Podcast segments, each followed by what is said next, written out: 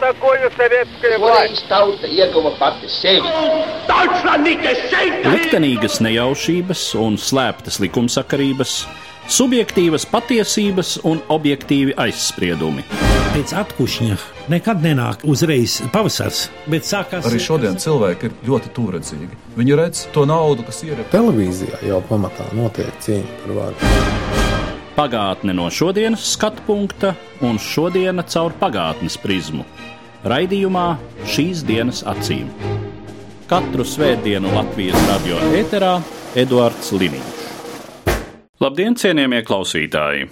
Pēdējos mēnešos aktualizējusies, kļūstot par eh, acīm redzamu starptautisku problēmu, situācija ap Kataloniju, jautājums par eh, šīs Spānijas daļas turpmāko valstisko statusu, par katalāņu tautas tiesībām uz iespējamu valstisku neatkarību.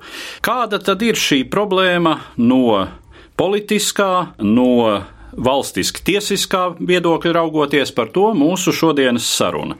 Un mani sarunbiedri studijā - starptautisko tiesību eksperts Māris Leinieks Labdien! un publicists Oto Ozols. Labdien!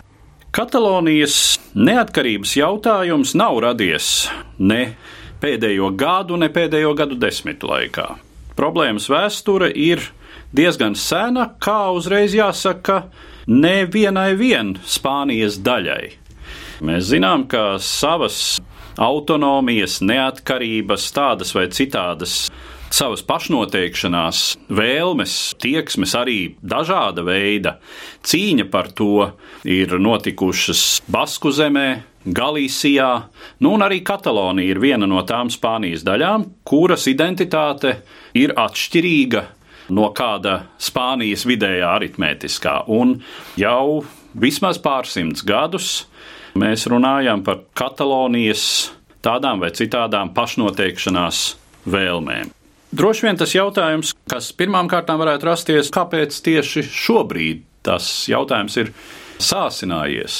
Oto droši vien par to varētu teikt vairāk. Nu, viņš ir neapstādināms audzis jau kopš 2007. un 2010. gada. Viņš ir visu laiku pieaudzis un pieaudzis. Un pašreizējā situācija bija viegli prognozējama. Tā bija skaidri redzama. Katalāņā bija pateikuši, ka viņi ies uz šo referendumu, un tas bija nenovēršami. Visai Eiropai to vajadzēja redzēt un saprast un pieņemt. Tā izskaitā Spānijai bet viņi to ir spītīgi ignorējuši un izlikušies neredzam šīs problēmas.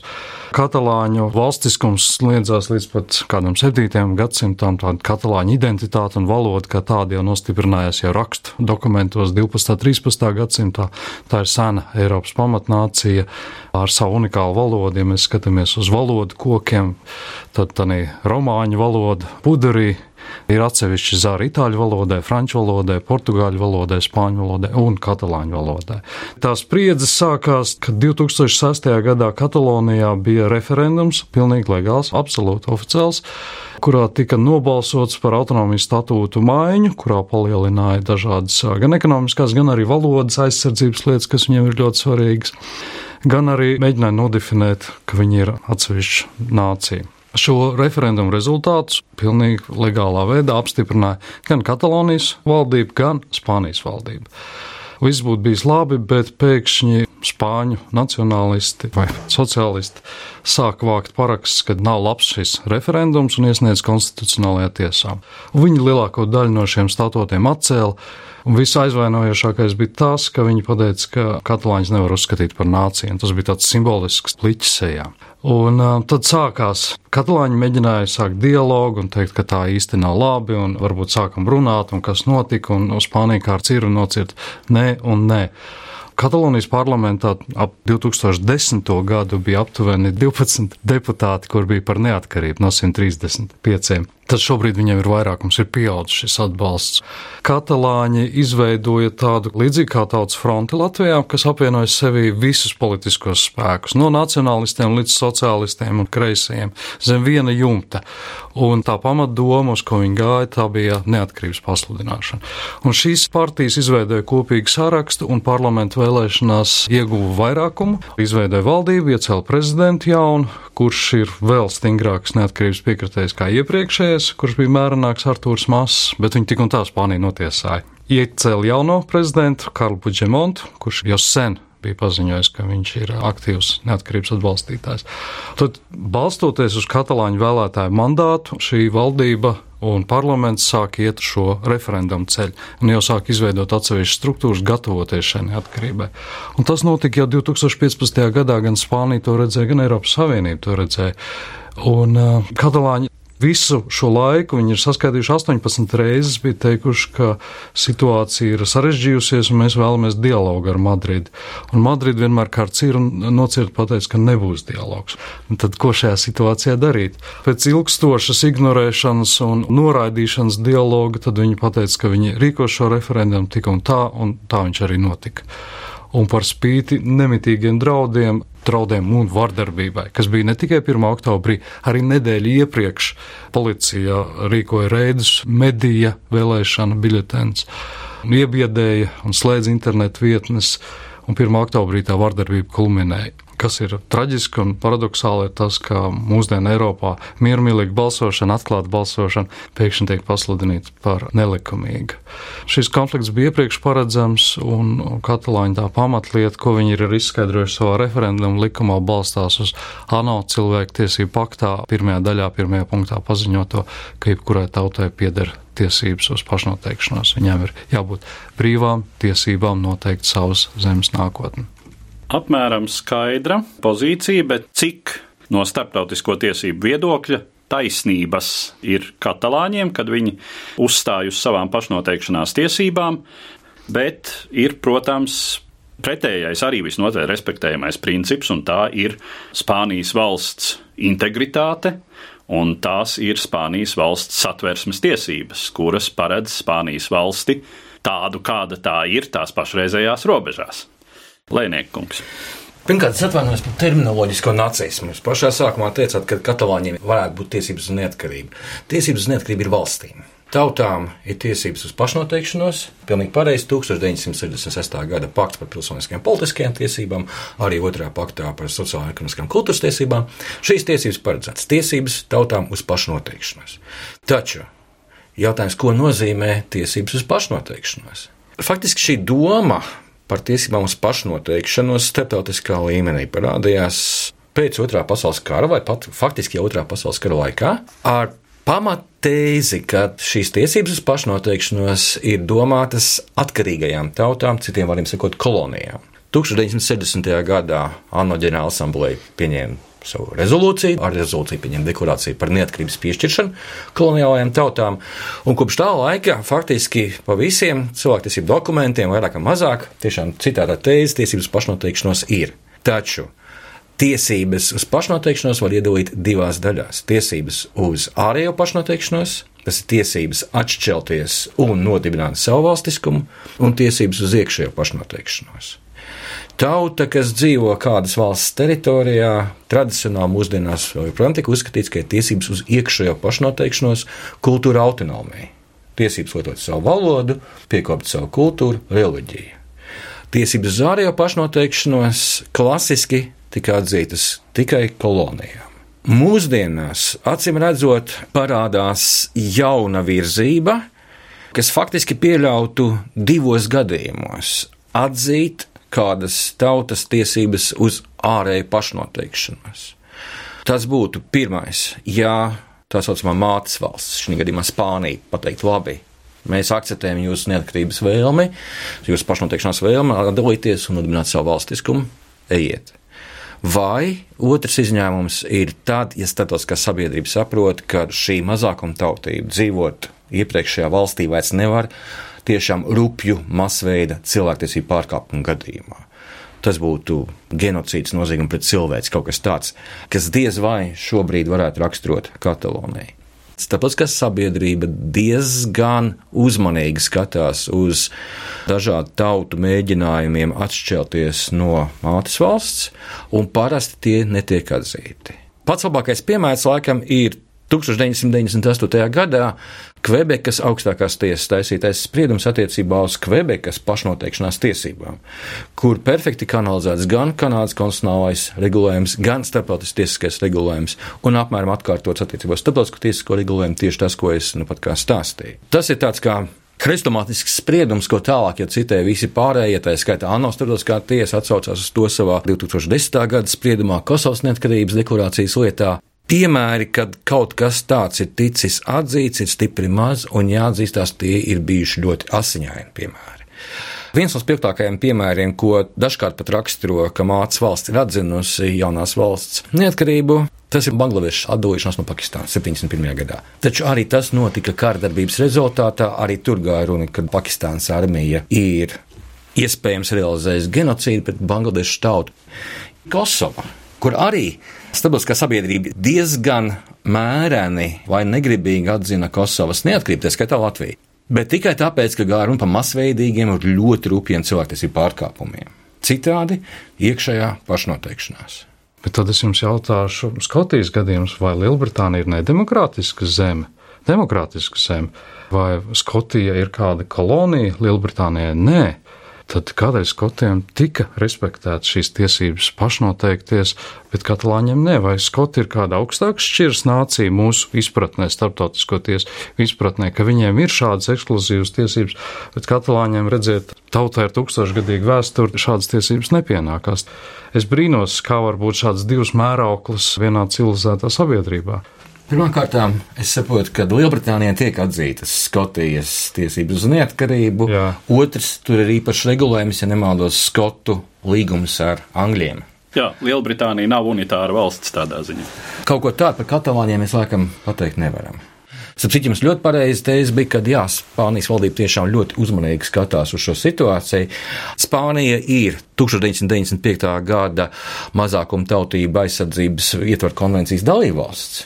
Tas ir konvencijas, kuriem būtu mazākuma tautības jāaizsargā, bet Spānija pievienojoties šai konvencijai veids atrunu, ka tās teritorijā nav mazākuma tautību. Tas ir starptautiskā līmenī. Spānija pat neatzīst katalāņus kā mazākuma tautību. Nu jā, viņi neatzīst vispār kā tautību. Nu, tad mēs mazliet nolaižamies teiksim, uz drūmajiem 30. un 40. gadiem, kad Adolfs Hitlers arī pateica, ka latvieši nav valsts cienīga tauta, tā ir otrā šķīra, un izdzēs no kartes mums ārā. Un šobrīd mazliet mēs tā kā slīdam šajā pašā virzienā. Viena valsts Eiropā, Spānija, mierīgi paziņo, ka katalāņi nav nekas, ka viņi nav atzīstami pa tautu. Un te ir skaidrs, Kā Lenārds Merīds teica, viņam bija slavena runa, kur sākās Eiropas identitāte. Lenārds Merīds šajā runā skaidri un gaiši pateica, aicinājums jebkurai tautai atteikties no pašnoteikšanās tiesībām ir pliķis sejā viņas pašapziņai. Un šajā gadījumā Spānija ir riktīgi pliķi iedevusi katalāņiem, un tad nav jābrīnās, ka situācija nonākusi tik tālu, ka vairāk miljonu pasaka, mēs nevēlamies vairāk būt kopā ar šiem, kas mūs neciena. Jā, es piekrītu par pliķiem. Tas Tie bija arī burtiski. Madrides valdība nav bijusi delikāta attiecībās ar Kataloniju, droši vien pildot lielas spāņu sabiedrības daļas politisku pasūtījumu. Politiķi rīkojas tā, kā to izjūt par pareizu viņu vēlētāju, un es tā pieļauju, ka lielai daļai spāņu savukārt doma par Katalonijas atdalīšanos ir labākajā gadījumā pliķis. Oto, tu savās publikācijās un izteikumos identificē katalāņus ar baltiešiem.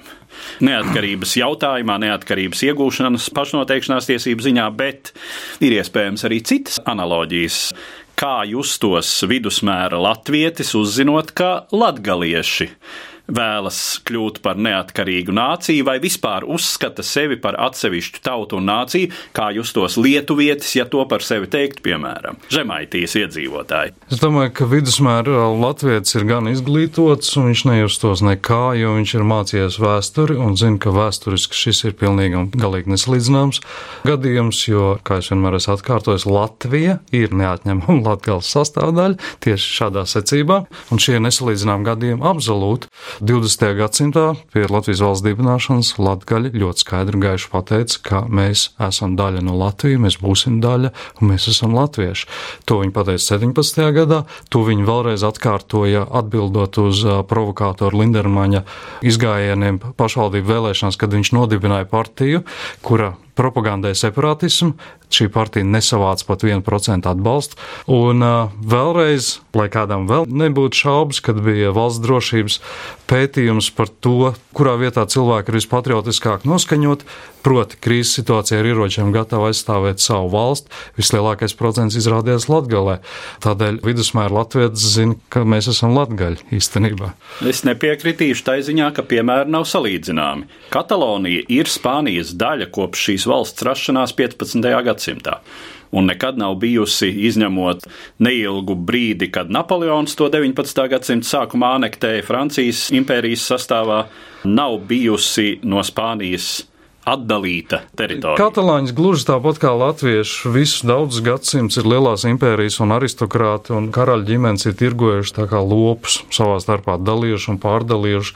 Šīs līdzības ir ļoti, ļoti līdzīgas, bet viņi ir ar varu pievienoti. Latgala ir vienmēr bijusi mūsu sastāvdaļa, kur ar varu ir mēģinājuši atšķelt no Latvijas impērijas. Tādēļ šie ir pilnīgi diametrāli pretēji gadījumi un tāds mazliet traģikomisks vai ironisks gadījums šeit ir tas, ka Barcelonā jautāja, nu jūs latvieši esat tāda neliela tauta, līdz ar to ir grūti starptautiskajā arēnā pārstāvēt, bet jums ir brāļi lietuvieši. Varbūt jums izveidot federāciju ar Lietuvu kopā, dzīvot kopā ar Lietuvu. Un jūs būsiet liela valsts, ietekmīgāka valsts, un tajā brīdī man palika augsts kājas. Es viņam teicu, mīļie draugi, lietuvieši šobrīd ir mums labi draugi, patiešām brāļi. Bet, ja mēs dzīvotu vienā, nedod Dievs, vēl karalistē, mums būtu virs latviešiem lietuviešu karalis, kašķis būtu no rīta līdz vakaram. Man arī ļoti simpātiski, protams, kā latvietiem ir mazas tautas centieni uz pašnoteikšanos. Tas ir mūsu sentiments, skats, ka mēs viņu ļoti, pamati ļoti galu labi galā. saprotam. Nē, tas ir juridiskais pamats no valsts tiesību viedokļa. Pašnoteikšanās tiesību realizācija ir mūsu pamats. Gluži tāpat kā Somijam, Igauniem, Lietuviešiem, arī būtībā Norvēģiem. Par spīti tam sentimentam, kas noteikti mums ir atbalstam mazas nācijas pašnoteikšanās vēlmei, mēs dzīvojam pasaulē, kur mēs arī kā latvieši gribētu zināmu stabilitāti. Un šis ierobežojums, kad starptautiskā sabiedrība ļoti nelabprāt atzītu jebkādas separātistu kustības un viņu nodibinātos veidojumus kā valstis, nav domāts tāpēc, ka kādam nepatiktu katalāņi. Bet ja starptautiskā sabiedrība pēkšņi mainītu spēles noteikumus un sāktu atzīt separātistu veidojumus, tas tik ļoti lielā mērā varētu ietekmēt tiešām dzīvi uz pasaules, kad ļoti iespējams viņa būtu nevis labāka, bet krietni sliktāka. Tieši tāpēc ne tur Ziemeļkipras, ne Piedņestras, ne Abhāzijas, ne uh, Donbasa. Tieši tā, nekas tāds netiek atzīts. Protams, ir viena otra valstiņa, kas to atzīst, bet nerunāsim par Nikaragvu. Un, uh, Nevajag jaukt kartupeļus ar apelsīniem. Es teikšu atklāti, man ļoti nepatīk šis termins separātisms, viņiem tāda nievājoša pieskaņa un atbalsojās uz pilnīgi citiem konfliktiem. Bet, ja mēs tomēr izvēlamies palikt pie šī termina separātists, tad man jāatgādina, ka 1917. gadā Latvijas valsts pirmais prezidents Jānis Čakste arī bija separātists. Kārlis Ulmans, pirmais ārlietu ministrs Zikfrīds Anna Meirovis, tātad viņi arī bija separātisti. Es gribētu šeit teikt, ka mēs, kad runājam par vairāk kā divu miljonu tie, kas nobalsoja, viņiem vēl ir bērni, un līdzutēji te ir runa par tautas kustību, līdzīgi kā tas mums bija, kad izveidojas tautas fronta, tautas kustība, un tā jau ir ļoti nopietna kustība. Bet par to nestabilitāti es pilnīgi piekrītu. Mēs gribam stabilu Eiropu, mēs gribam stabilu pasauli, bet nestabilitāti veicina ilgstoši neatrisināti konflikti un pretstāvēšana, kad katalāņi un spāņi jau gadu desmitiem šīs konflikts pastāv. Un ja viņš netiek atrisināts, tas veicina nestabilitāti. Nestabilitāti veicina, ka viena lielāka vara sit, burtiskā nozīmē, ar stekiem savus pilsoņus un grib divus miljonus iebāzt cietumā. Tas veicina nestabilitāti. Savukārt, stabilitāti veicina tas, ka ir savstarpējā cieņa, kas ir, ir ANO, tā īpašā cilvēktiesību faktā noteikts, ka lielajām valstīm ir jāveicina miermīlīgs, draudzīgs, atklāts dialogs starp tautām. Ja šī savstarpējā cieņa ir, tad šī stabilitāte arī ir. Un Skotijas gadījums lieliski parāda, starp citu, arī Kvebeka parāda to, ka, ja to dara cieņpilni, saka, mēs jūs cienam kā tautu, mēs dodam jums šīs starptautiskajos dokumentos paredzētās tiesības izdarīt savu izvēli. Tātad viņi arī izdara savu izvēli, un tas tad noņem šo konfliktu no laukuma. Tādēļ labāk ir atrast šo dialogu, lai kāds tas būtu. Dažādas valsts, dažāda likumdošana, bet ir jāiet uz šo dialogu. Un es atgādināšu, ka Spānijas likumdošanā pirmais pants ir rakstīts, Spānija ir demokrātiska zeme. Un demokrāti ir tāda sistēma, kur ir brīvi ļauts paust savus uzskats, savus viedokļus.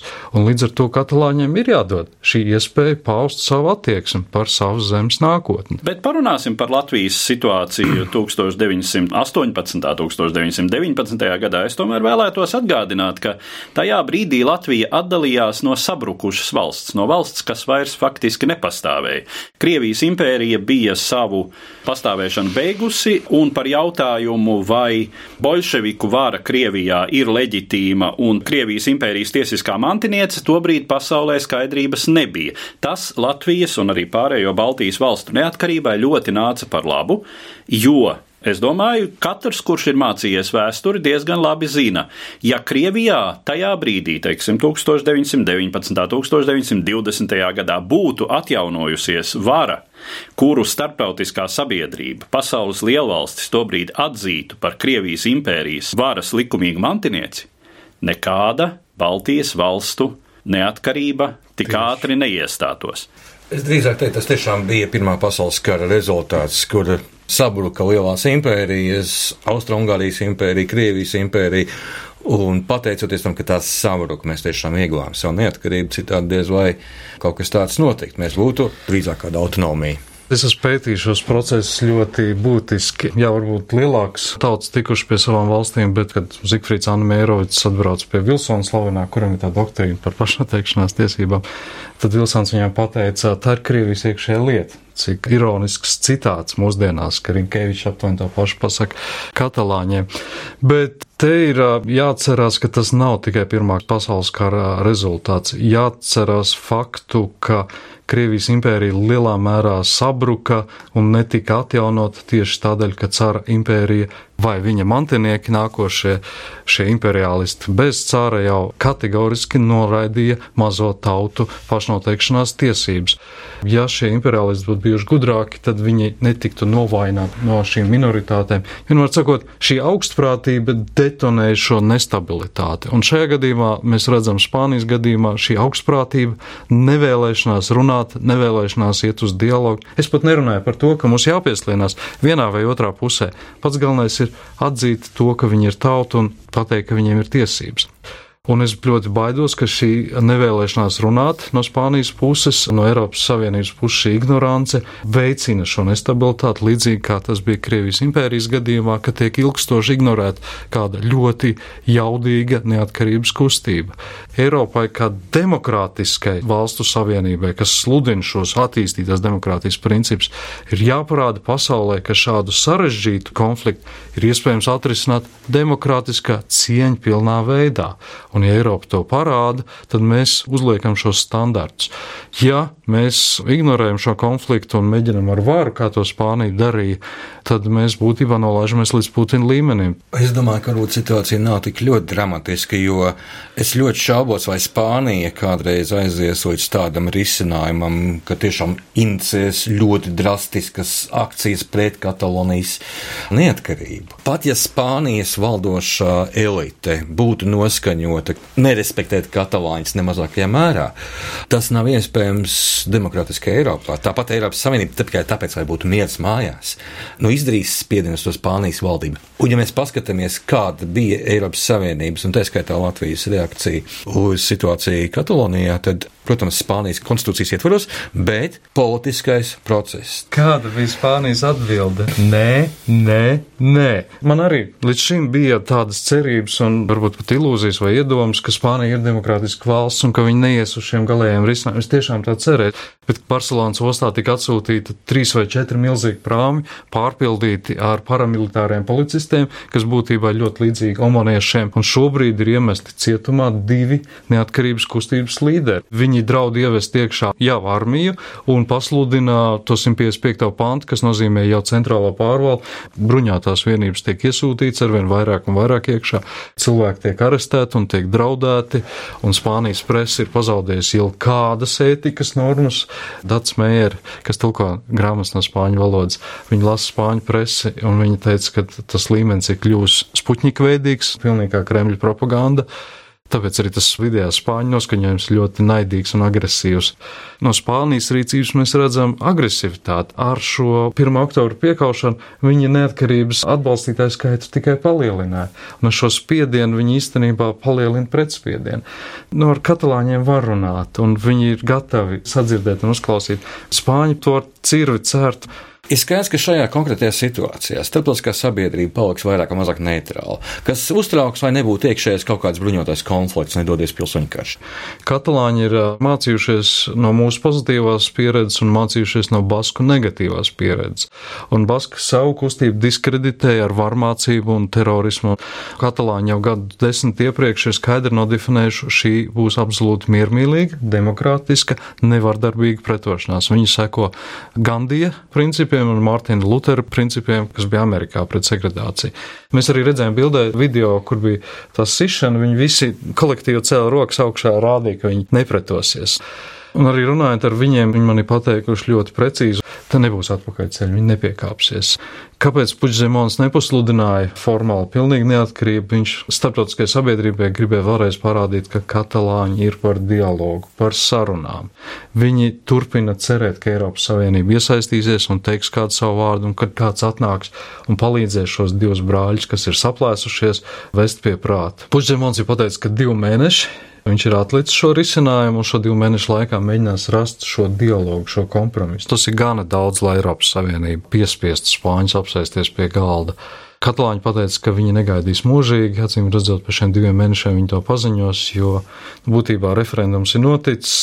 Referendumā mēs varam spekulēt par cipariem, bet balsojums bija lielāks nekā Brexitā. Tā lielākā nelaime ir tā, par ko man ir ļoti skumji. Līdz 1. oktobrim visu šo laiku, cik es esmu bijis arī Katalonijā, viņi bijuši ļoti proeiropeiski noskaņot. Šobrīd ir sākusies tāda ļoti milzīga vilšanās. Brexits bija ļoti nepatīkams iznākums, bet mums jākonstatē, ka 17 miljoni Britu pateica, ka viņi neusticās Eiropas Savienībai. Šobrīd vēl te jau 7 miljoni katalāņi arī sāk vilties Eiropas Savienībā. Un šī jau ir tās briesmas Eiropas stabilitātei. Tajā pašā laikā, ko mēs varētu sagaidīt no Eiropas Savienības, kā izņemot, tiešām turēt rokas pulsa un lūgt Spānijas valdību nepārspīlēt ar spēku pielietošanu, kā ieteikt Spānijas valdībai sēsties pie tās sarunu galda. Protams, ja mēs nesagaidām, kad Eiropas Savienība pēkšņi pateiks, mēs tagad atzīsim Kataloniju kā neatkarīgu valsts, kas nenotiks. Es teiktu tā, Dārgā Spānija, šī ir šausmīga nestabilitāte, kas ir izveidojusies. Mums nepatīk, ka mūsu kopīgajā Eiropas Savienības ciematā vienā mājā viens brālis sit otru mazāko brāli. Es teiktu, mīļā Madride, kā Eiropas Savienības kaimiņš, es tev ļoti sirsnīgi iesaku, sāc runāt. Dieva dēļ sākiet runāt. Otrs punkts - atbrīvojiet politiskos ieslodzītos. Šobrīd jau ir politiski ieslodzītā. Un trešā lieta - dārgā Spānija, ja jūs nesāksiet runāt, tad es paturu tiesības, ka es tomēr atzīšu šī mazākā tiesības. Un tad Spānija ir jāsāk domāt. Ja viņa nesāk domāt, nu tad. Tad ko izslēgt no Eiropas Savienības? Vai sagaidīt, kad Spānijā būs referendums par Ziniet, uh, Eiropas Savienības atstāšanu? Mums ir jārezumē mūsu saruna šobrīd. Tas, ko mēs redzam arī pie šī galda, ka ir gana nopietni argumenti vienā, gana nopietni argumenti otrā pusē. Es teiktu droši vien tā, ka Eiropas Savienībai būtu aktīvāk jāiesaistās procesā, bet nevar sagaidīt, ka Eiropas Savienība šo procesu var atrisināt pretēji Madrides un visas Spānijas gribai un vēlmēm, kaut kādā veidā piespiežot. Eiropas Savienība nav tāda institūcija. Faktiski Eiropas Savienība jau arī nav tā primārā institūcija, kura atzīst kādas valsts suverenitāti. Tam ir domātas pirmkārt apvienotās nācijas. Bet skatoties uz vēsturi, gadījumi, kad kāda nācija sekmīgi atdalās no tajā brīdī stabilas, salīdzinoši gan sociāli, gan ekonomiski veiksmīgas valsts, šādi gadījumi pasaules vēsturē ir teju uz pirkstiem skaitā. Ir viens ļoti spožs piemērs. Pirms mazliet vairāk kā simts gadiem Norvēģija atdalījās no Zviedrijas. Tas nebija vienkāršs process, bet atdalījās, un šobrīd abas ir brāļu valsts, draudzīgas, reģionāli atbalsta viens otru. Bet šis gadījums pierāda, Jā. ka tas ir iespējams, un šobrīd ir viss kārtībā. Jā, un ap to pašu laiku īrija atdalījās no Lielbritānijas ar vispirms asiņainu karu par atdalīšanos, pēc tam vēl asiņaināku iekšēju pilsoņu karu, un pēc tam vēl līdz pat 20. gadsimta beigām mēs zinām, kā gāja Ziemeļīrijā ar un Tad Spānijai šobrīd ir izvēle vai nu iet Zviedrijas ceļu vai iet īrijas ceļu. Tā ir būtiska izvēle un principiāla izvēle, un mēs redzam konsekvences vienā vai otrā scenārijā. Viņiem ir jāpieņem šis atbildīgais lēmums, kur ceļu iet. Es domāju, ka vēlme un prasība pēc atbildīguma šai procesā gan laikam attiecas uz abām pusēm. Un atbildīgi pret to ir jātiecas, protams, gan Madridē, gan Barcelonai. Ar to es gribētu noslēgt mūsu šodienas sarunu un saku paldies maniem sarunbiedriem, starptautisko tiesību ekspertam Mārim Lēniekam un publicistam Oto Ozolam. Katru svētdienu Latvijas radio viens par pagātni sarunājas Eduards Līniju.